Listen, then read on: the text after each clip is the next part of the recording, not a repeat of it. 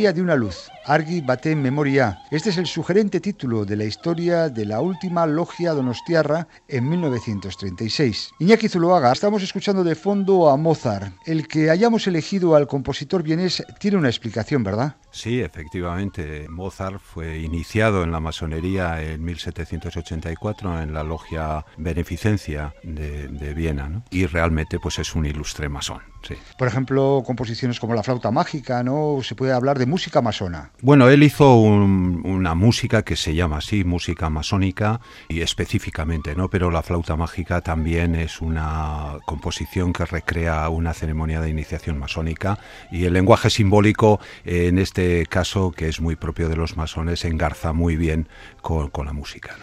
Pero aclárenos qué es en principio la logia masónica, una logia masónica. Bueno, esto así eh, en frío no es tan fácil de explicar, ¿no? Porque para ello hay que entender lo que es la masonería. Eh, la masonería que recordemos que en 2017 cumple 300 años, ya que su inicio se sitúa en Inglaterra en 1717 cuando cuatro logias se unen para formar la Gran Logia de Inglaterra. Hay que decir que toda esa tradición es anterior a 1717, puesto que la masonería es la heredera de todos aquel sistema gremial de los constructores y canteros, constructores de catedrales, que a medida que va terminando su trabajo físico operativo, van aceptando nuevos miembros ya en una estructura más especulativa, más de pensamiento, y lo que hacen es transformar el trabajo, los métodos de trabajo y las herramientas en todo un sistema metafórico de la construcción personal. ¿no? Es en el fondo, es una orden, está sometido a una regla y practica pues eh, eh, una serie de ritos y tiene un esquema de valores todos tomados pues de las herramientas de los constructores para realizar una construcción personal del ser humano. Y de ese contexto general un poco llevamos algo concreto.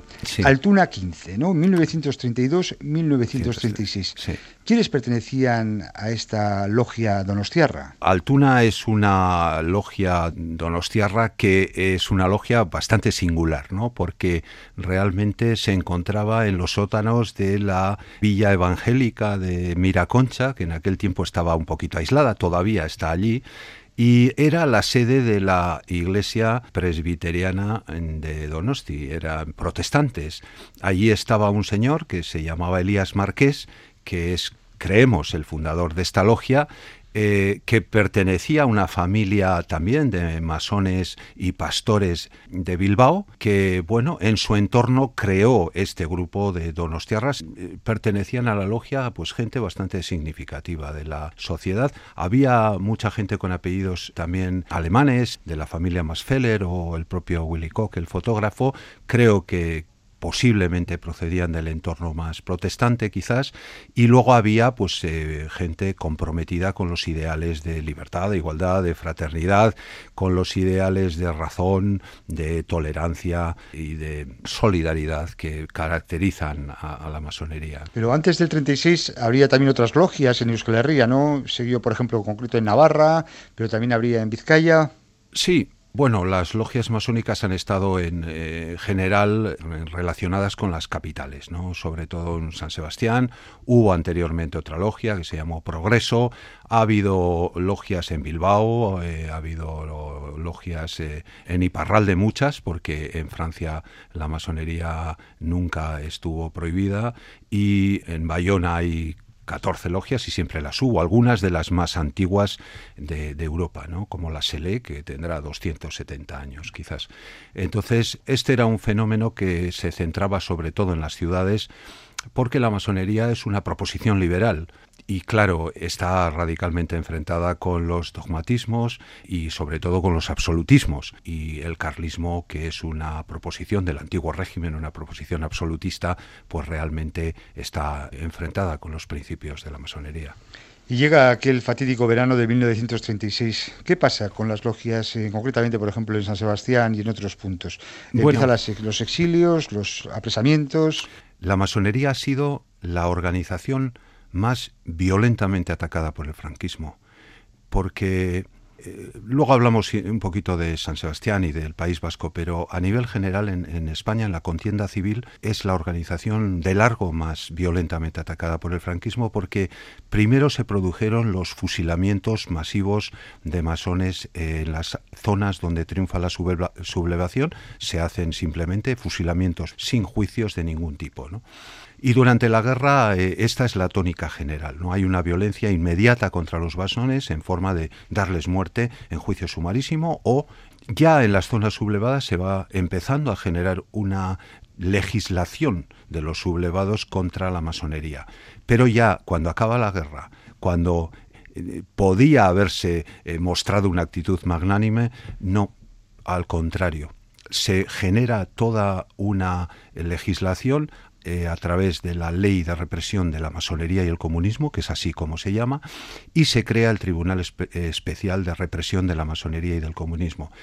Es un tribunal que juzgará a muchísima gente, que además hará que la gente quede inhabilitada, para ejercer sus profesiones, es decir, se les condena un poco a la imposibilidad de ganarse la vida, se les aplican multas, se les incautan los bienes.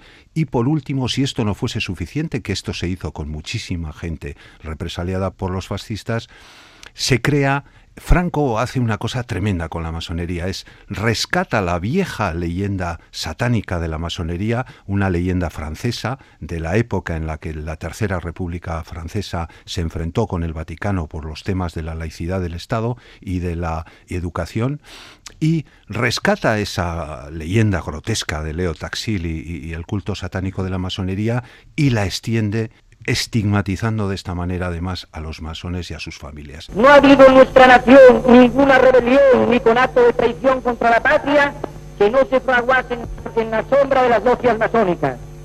Y aún hoy, liberada España de esta carroña, todavía esas insignificantes manejadas políticas, por mucho que se disfracen, obedecen siempre a la intriga y a la oculta inspiración de los masones expatriados. Escuchamos cómo Franco realmente, no solamente contra los comunistas, sino efectivamente contra los masones, tenía una especial inquina, ¿no? Bueno, contra los masones especial, cosa que es sorprendente porque su padre y su hermano lo fueron, quizás por eso, no lo sé.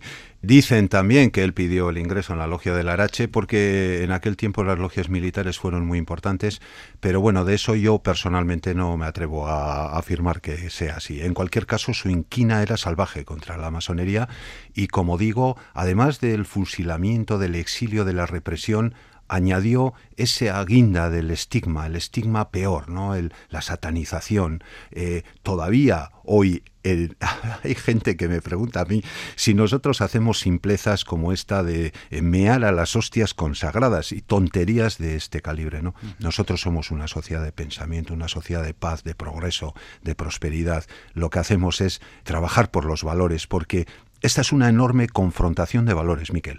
Eh, los valores del dogmatismo, el fanatismo, la intolerancia que predica el fascismo están enfrentados radicalmente con los de la razón, con los de la tolerancia y con los de la convivencia que practica la masonería desde el respeto a la libertad, a la igualdad y a la fraternidad de las personas. De todos modos, esta obsesión contra la masonería también un poco se extiende a la familia Franco, ¿no? Sí. Precisamente Pilar, Pilar Franco, eh, hablando de la muerte de otro de los Franco, precisamente el aviador Ramón, ¿no? Sí, el masón. Masón, culpabilizaba a la masonería de la muerte de su hermano. Y la trampa masónica era que no había ruedas y él subió al avión sabiendo que iba a la muerte.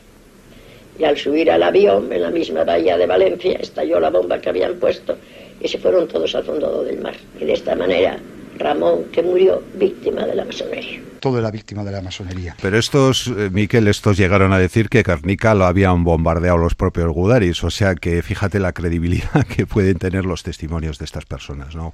Eh, la indecencia de este sistema político era, bueno, es eh, incalificable. ¿no?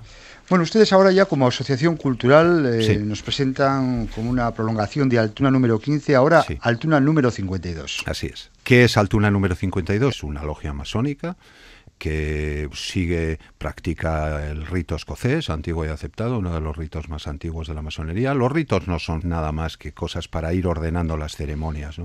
Nosotros practicamos una masonería más progresista, más moderna, que ha trascendido un poquito la vieja tradición anglosajona, aceptamos mujeres en nuestras logias, algo que en la regularidad anglosajona no es posible, y practicamos un sistema más de orientación francesa. El método nuestro contempla la práctica del rito, pero también lo que nosotros llamamos debates de arquitectura, es decir, un momento en el cual hablamos de diferentes temas y luego practicamos la fraternidad como todas las masonerías. En los debates de arquitectura, efectivamente la masonería tiene como landmark, es decir, como límite de, actuación el no hablar de política y de religión, pero siempre entendido en un ejercicio de proselitismo. Sí, por supuesto, como ideales. Hablamos muchísimo de los ideales y hablamos mucho de los valores. Y hoy más que nunca, porque creemos que realmente nuestra sociedad está perdiendo muchos valores a un ritmo aceleradísimo. ¿Quiénes pueden formar parte de una logia? Bueno, en nuestro caso puede formar parte cualquier persona eh, en fin, solemos decir, mayor de edad y, bueno, que muestre interés por el progreso material, intelectual y moral, ¿no? Porque en el fondo nosotros somos una asociación filosófica y filantrópica, es decir, que amamos el saber y amamos a los seres humanos y que buscamos el perfeccionamiento material, intelectual y moral de las personas que acuden a nosotros.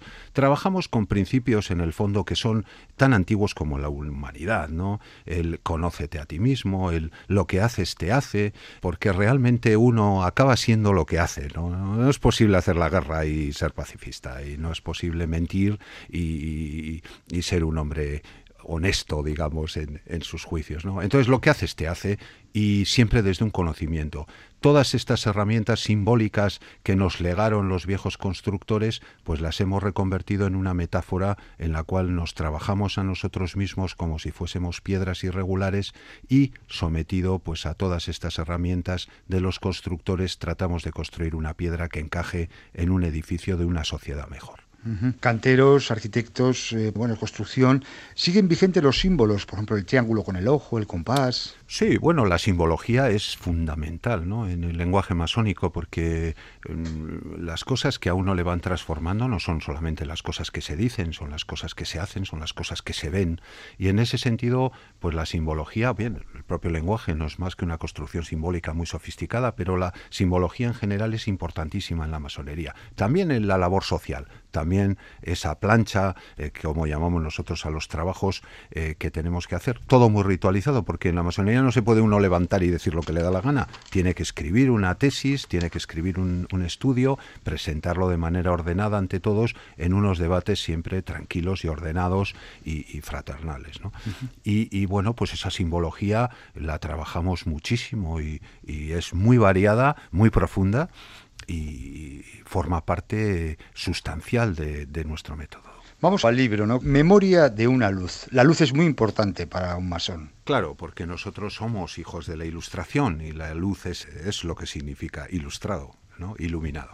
¿Cómo se inicia esta investigación? ¿Tuvieron ustedes que ir a Salamanca? ¿no? Ahí está el archivo, antes el archivo de la masonería, actualmente también el archivo general de Salamanca, ¿no? Sí, ahora se llama de la, de la memoria histórica, antes se llamaba archivo de la guerra civil. El tema es eh, interesante porque nosotros cuando fundamos la logia de San Sebastián, la logia Altuna número 52, queríamos ser herederos de la vieja Altuna número 15 porque nos parecía que aquella oscuridad que vino con la llegada de los sublevados pues debía de restablecerse y por lo tanto volver a encender la luz que se había extinguido el 13 de, septiembre de 1936 nos parecía importante. Fuimos a Salamanca sobre todo a buscar pues material ¿no? de, de, aquella primera aquella logia republicana y lo que encontramos fue pues muchísimos legajos muchísimos papeles pero encontramos una fotografía era una fotografía que estaba ya ajada, vieja, sepia. Encima de ella había sido profanada por la policía, habían puesto encima unos números bien grandes que en la portada del libro pueden todavía verse para luego hacer unas anotaciones detrás donde decían, pues eres tal, puede ser tal, es decir, cuando se inició la caza de los masones. Nosotros trajimos aquella fotografía y lo primero que hice yo fue con un amigo mío ahí del de, Goibar, donde yo he trabajado, le llevé la fotografía, Iñaki San Martín se llama este fotógrafo, y le dije, Iñaki, ¿tú me podrías arreglar esta foto? Y bueno, él con gran paciencia pues la fue arreglando, ¿no? Y aquí pues viene ese, ese lenguaje simbólico, ¿no? Porque al fin y al cabo fotografía significa escribir con la luz, ¿no? Los fotógrafos escriben con la luz, es lo que significa etimológicamente, y aquel era un enorme mensaje, ¿no? Suspendido en el tiempo. Ese trabajo que hizo Iñaki pues fue estupendo. Hoy tenemos una reproducción enorme de la foto que era muy difícil de hacer porque estaba muy deteriorada y bueno, pues toda la investigación luego se centró en ese mensaje de la luz que nos llegaba en la fotografía y en el que hemos ido poco a poco intentando saber quién es quién en esa foto. Luego hemos descubierto que no todos eran miembros de Altuna, tenían amigos de Madrid y de Valladolid, creo que habían venido a visitarles, en fin, había otras personas, esto está tomado en junio de 1934, la fotografía, ¿no? Y bueno, hoy la hemos limpiado de aquella profanación de la policía franquista, la hemos hecho grande y preside pues muchos de nuestros trabajos, ¿no? Y eso es lo que eh, inspira el título de Memoria de esta luz, que lejos de extinguirse, el 13 de septiembre de 1936, pues hoy resplandece, sobre todo para iluminar unos valores luminosos de democracia y de convivencia frente a todo aquel desastre de lo que fueron los fascismos europeos. Desde aquel 13 de septiembre hasta ahora ha pasado muchos años, más de 80 años. De todos modos, hermanos suyos, ¿no? como les llaman ustedes, de Europa o de América, no reaccionaran, les apoyaran un poco más en tiempos ya de la dictadura. ¿Qué ocurrió en el, digamos, en la masonería internacional respecto a la dictadura franquista? Bueno, pues realmente de las dos familias que hay en la masonería, ¿no? una de la zona anglosajona, inglesa, americana, y de la otra familia de la masonería francesa, realmente la masonería francesa ayudó de una manera impresionante a todos los exiliados.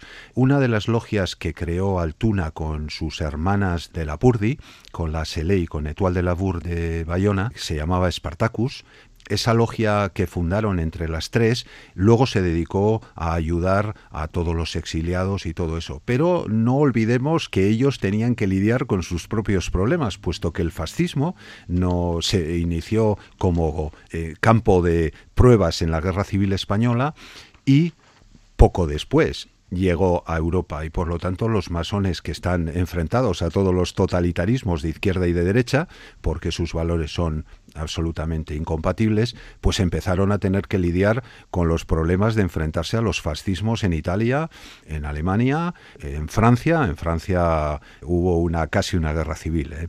en la guerra mundial entre dos Francias muy divididas y claro, Europa tuvo que lidiar con un problema eh, bestial. ¿no? Los ingleses tuvieron que lidiar con la defensa de todo lo que era su imperio, amenazado en Asia por los japoneses y en Europa por los alemanes. Y, y realmente la masonería creo que no pudo acudir. A mí me sorprendió más la masonería americana. Hay que recordar que la primera revolución con masones implicados de manera importante no es la francesa.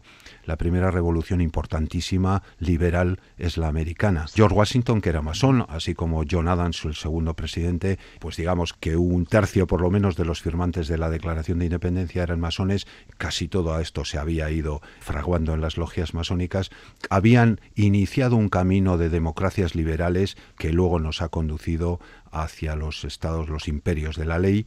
Decía Samuel Adams entonces que a partir de aquel momento todo orden político descansaba en la soberanía del pueblo y así es. Cuatro mil años de abusos nobiliarios y eclesiásticos terminaban para dar paso a la soberanía del pueblo. Esa es la gran revolución liberal. Bien, los americanos construyeron una gran potencia sobre eso. Sin embargo, para mí eh, no supieron defender. Es verdad también que la República eh, tuvo un apoyo de Rusia que mm, impedía también en muchos casos que los americanos pudiesen entender qué papel jugaban en España. Hay que entender que ya entonces el conflicto de ideologías era muy profundo en Europa no solo los fascismos, sino entre el totalitarismo comunista y la democracia liberal norteamericana el abismo era ya mm, bestial. Y claro, en España queda igual desprotegido por, esas razones, ¿no? mucha dependencia quizás ya de Rusia. En fin, había muchos motivos. ¿no? Iñaki Zuloaga, ustedes remarcan que la reconstrucción de la memoria histórica no es un acto de venganza. Bueno, vamos, rotundamente, si algo no tiene que ser, la reconstrucción de la memoria histórica es un acto de venganza. ¿Pero estarían de acuerdo, por ejemplo, con una comisión de la verdad? Bueno, sin duda alguna. Yo me encantaría una comisión de la verdad, porque la verdad nunca puede confundirse con la venganza.